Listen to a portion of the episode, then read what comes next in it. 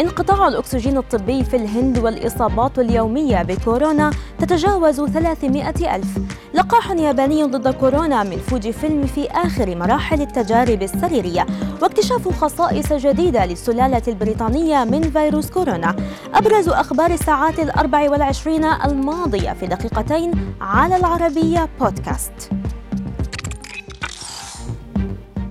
أعلنت الهند تسجيل نحو 315 ألف إصابة جديدة بفيروس كورونا خلال اليوم الماضي في أعلى حصيلة يومية في العالم منذ تفشي الفيروس فيما تعاني المستشفيات في نيودلهي من نقص حاد في الأكسجين.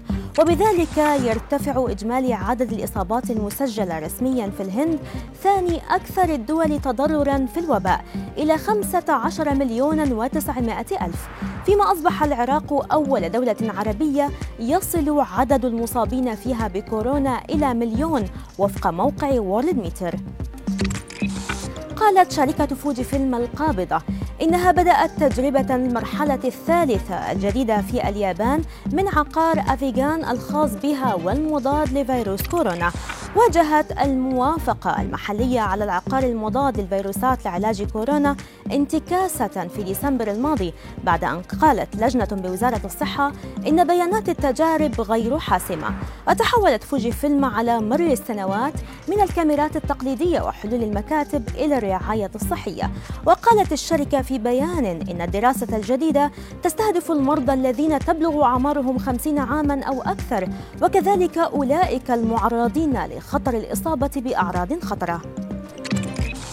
اكتشف أطباء ألمان أن حاملي السلالات البريطانية من سارس كوف 2 لا يعانون تقريبا من مشاكل فقدان حستي الشم والتذوق.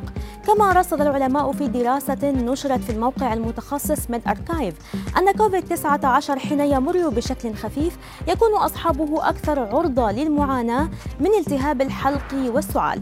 يشار إلى أن السلالة البريطانية من النوع الجديد من فيروس كورونا تم تسجيل ظهورها بواسطة الوراثة من المملكة المتحدة في ديسمبر 2020 كشفت دراسة صادرة عن جامعة برمنغهام البريطانية أن الاعتناء بنظافة الفم واللثة يوميا يساعد في تخفيف العدوى بفيروس كورونا حيث تبين أن الفيروس ينتقل عبر الرئتين من اللعاب كما أنه ينتقل من الفم أيضا إلى مجرى الدم.